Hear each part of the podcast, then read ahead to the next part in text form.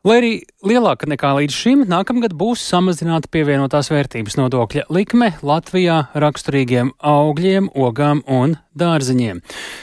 Tiesa, lai to nodrošinātu, straujāk palielinās akcijas nodokli stipriem alkoholam, cigaretēm, tabakai un tās aizstājai produktiem, kā arī saldinātiem bezalkoholiskajiem dzērieniem. Vienlaikus nākamā gada budžetā nav rasta iespēja atbalstīt nevienu no te 300 saimnes opozīcijas priekšlikumiem. Tā šodien lēmusi valdība pirms budžeta priekšlikuma nosūtīšanas skatīšanai saimā. Bet par to, kuras ieceres ir atbalstītas, vairāk ir gatavs pastāstīt Jānis Kīns, kurš mums pievienojas tieši raidē. Tātad, Jāni, redzam, ka, kā ierasts opozīcijas piedāvājumu finanšu ministrijas atbalstu nav guvuši. Sveicināti, jā, nu diena, saimas eh, deputāti saistībā ar nākamā gada budžetu bija iesnieguši 289 priekšlikumus, aicinot dažādiem pasākumiem pārdalīt vairāk nekā 5 miljardus eiro. Un, uh, To bija piedāvāts eh, nodrošināt, palielinot budžeta deficītu, izmantojot budžeta līdzekļus neparedzētiem gadījumiem un arī paaugstinot nodokļus. Piemēram, uzņēmumu ienākumu nodokļa celšana bija pieminēta 13 priekšlikumos. Tomēr Finanšu ministrija šiem plāniem pārvilkusi svītru, jo nākamgad neplāno pārskatīt uzņēmumu un iedzīvotāju ienākumu nodokļus. Vienlaikus piedāvātais budžeta plāns esot sabalansēts un tāpēc nevarot atļauties lielus papildu izdevumus.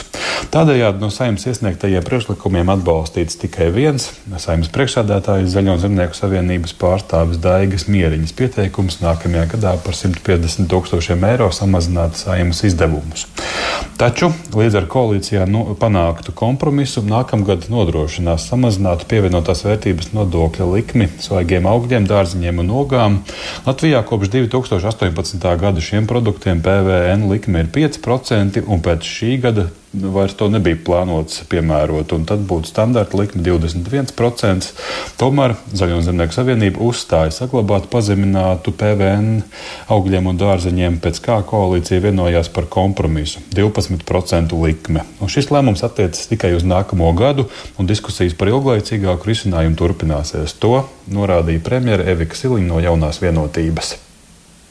Es vēlreiz atgādinu, ka mums bija vienošanās, ka nākamā gada laikā mēs sēžam gan ar šo nozaru kopā, gan ar ministrijām, arī valsts ieņēmuma dienestu, varbūt arī lauka atbalsta dienestu tām institūcijām, kas redz arī, kādas preces tiek ievestas, kādas tiek ražotas, un lai mēs saprastu, lai mēs tiešām sasniedzam mērķi vietējiem ražotājiem.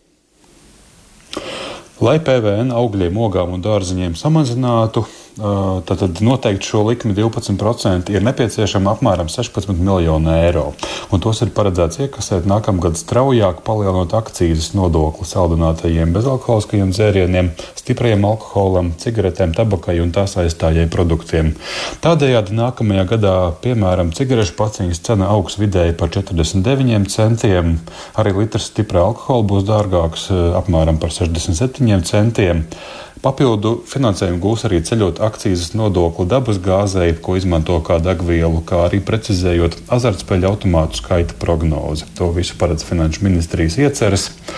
Un šajā nodokļu izmaiņas stāstā vēl iesaistīs arī Saimas budžeta komisiju, kuru valdība aicinās izskatīt iespēju noteikt lielāku akcijas nodokli likmi tiem saldinātiem dzērieniem, kuros ir vairāk cukura, vairāk par 8 gramiem uz 100 ml, un mazāku likmes izmaiņu. Tātad, mazāk cukurotiem dzērieniem. Šo domu pamatoja zemkopības ministrs Armāns Krause no Zaļo un Zemnieku savienības.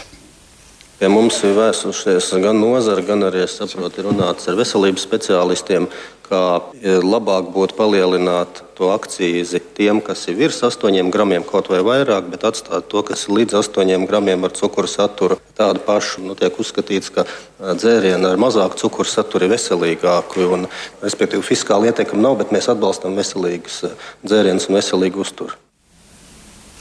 Un vēl pavisam nedaudz piebilstot par izmaiņām budžeta plānos pirms galīgā lasījuma, papildu 3,8 miljonu eiro rasti kultūras jomā valsts dibināto teātru, koru, orķestru, cirka, operas un baleta darbinieku atalgojumu palielināšanai. Tāpat arī dziesmu un deju svētku kolektīvu darba samaksas reformas sākšanai. Un arī zin, izglītības un zinātnes ministrija ir precizējusi sākotnējo finansējumu sadalījumu pedagoģu darba samaksas nodrošināšanai nākamajā gadā. Lūk, un tad Saimnes budžeta komisija iesniegtos priekšlikumus skatīs eh, jau drīz pēc valdības atzinuma saņemšanas un saimnes plenāra sēdēs budžeta projektu un to pavadošos likuma projektus sāks skatīt 7. decembrī visticamāk tam būs vajadzīgas vairākas sēdes.